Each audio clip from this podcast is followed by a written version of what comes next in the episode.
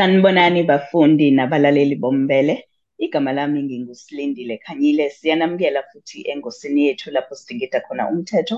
KunguLwesibili umhla ka-14 March.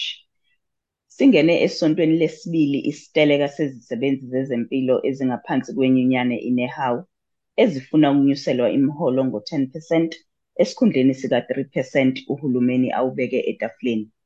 Ukuqhubeka kwalesi siteleka kuphazamise umsebenzi ezikhungweni zezempilo zikahulumeni. Kanti ukubheka lolu daba kabanzi ukhona ungoti wethu womthetho umnumzane uMpumelelo Zikalala weZikalala Attorneys. Mnumzane Zikalala, siyakubingelela futhi siyakwamukela kumbele. Akukubingelele bese ngibekele kakhulu ababukeli nabaleli bombele. Mnumzane Zikalala, ngesonto elidlule sike saxoxa nge-third party liability insurance.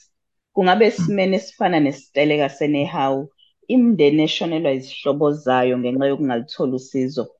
Mhlawumbe lolu hlobo lomshwalense yinto ekhona engasizakala. Uma likhona futhi ngabe kufanele kube uhulumeni abamthathela izinyathelo noma iyona inyunyana uqobo?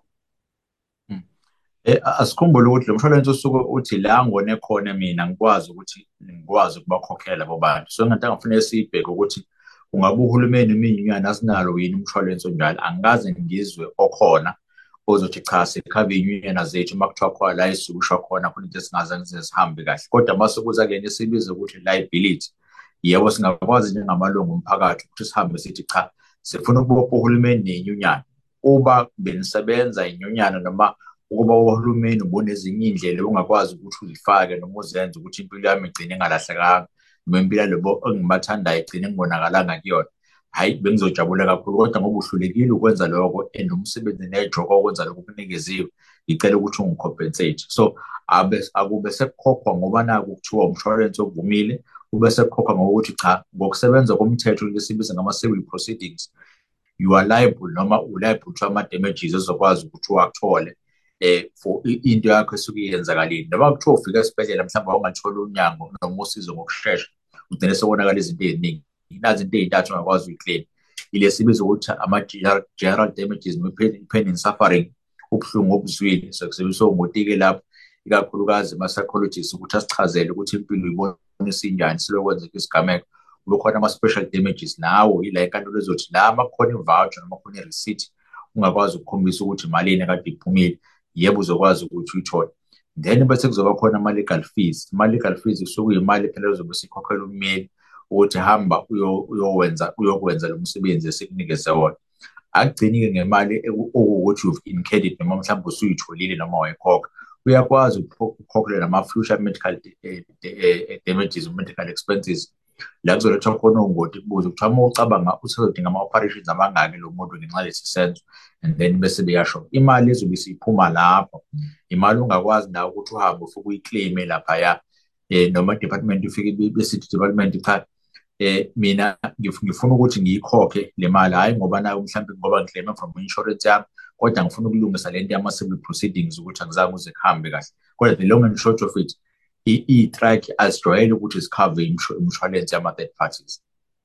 Eh abanye bebebhala lapha ey'nkundleni zokuxhumana omunye nje uke waxoxa ngokuthi ugcine esephuthumisa uma wakhe esibhedlela esizimele ngenxa yokuthi ubedinga usizo.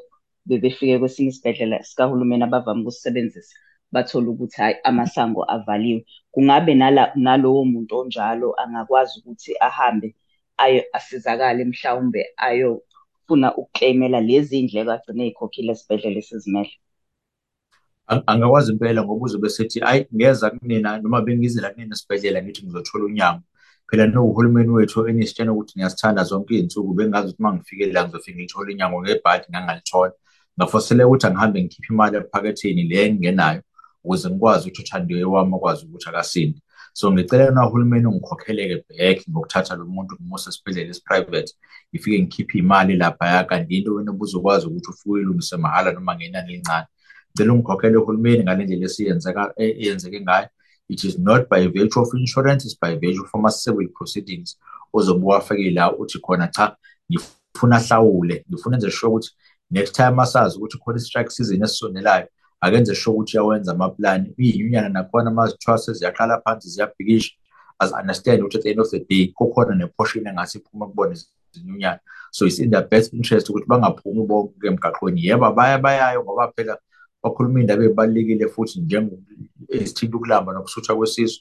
Kodwa akufanele sibe sesenza sengathi iy'bhedlela ay'sebenzi ngoba sidila into ebaluleke kabi enga-replace kalula okuyimpilo. Eh kuyaye kubuye kuvele la ukuthi abantu abafana ney'sebenzi zezempilo ba abanye balabantu ekuthiwa ama-essential workers noma essential Mm. workforce eh kubuye-ke kube nesidididi noma kudeka ukuthi ngabe bavumelekile noma bavumelekile yini ukuteleka eh Mm. uthini umthetho kubhalansiswa kanjani ngoba wonke umuntu unalo ilungelo lokuteleka eNingizimu Afrika uma ngabe kuyisiteleka esisemthethweni mase kuza kuma-essential workers abavumelekile ukuthi bateleke so abantu osuke ubabona lapha ngaphandle ngiyacabanga ukuthi abantu abasuke be-ofile noma bengekho emsebenzini ngalelo langa noma uthole ukuthi mhlawumbe ama-shop steward ukuvele umsebenzi wakhe kuwukuthi enze sure ukuthi unakekela abasebenzi ngayo yonke indlela. Kodwa uma ngabe kukhona osuke uzothola ukuthi fanele ngabe usebenzile wangafika ayi kuba serious kakhulu lapho ngoba angaze a-charge ngisho uku-charge umbuzo uqala nje bese uthi kuyena uma esefikile hawu kodwa nesi wathi ufika la wathatha i-oath ebhalwe uFlorence Nightingale. Sekwenze njani manje wamthiswe uyayikhohlwa wena leyo quote yakho noma leyo oath wayithathayo? Yindaba i-allegiance yakhe engasekho la esigulini ukuthi uzosiphatha kahle ukuze kuyofika ekugcineni? Kodwa ibe semalini on that basis and the basis ukuthi umthetho oseningizimu afrika awuvumelekile ukuthi ni-strike ninye ngoba niyadingakala. Sebenzisani ezinye iy'ndlela ukuze nikwazi ukuthola i-attention yomqashi.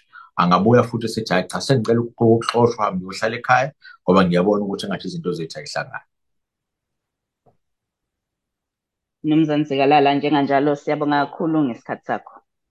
kubonga mina kakhulu nibe nosuku oluhle Lowo bekungumnumzane uMpumelelo Zikalala wezikalala Attorneys. Siyabonga.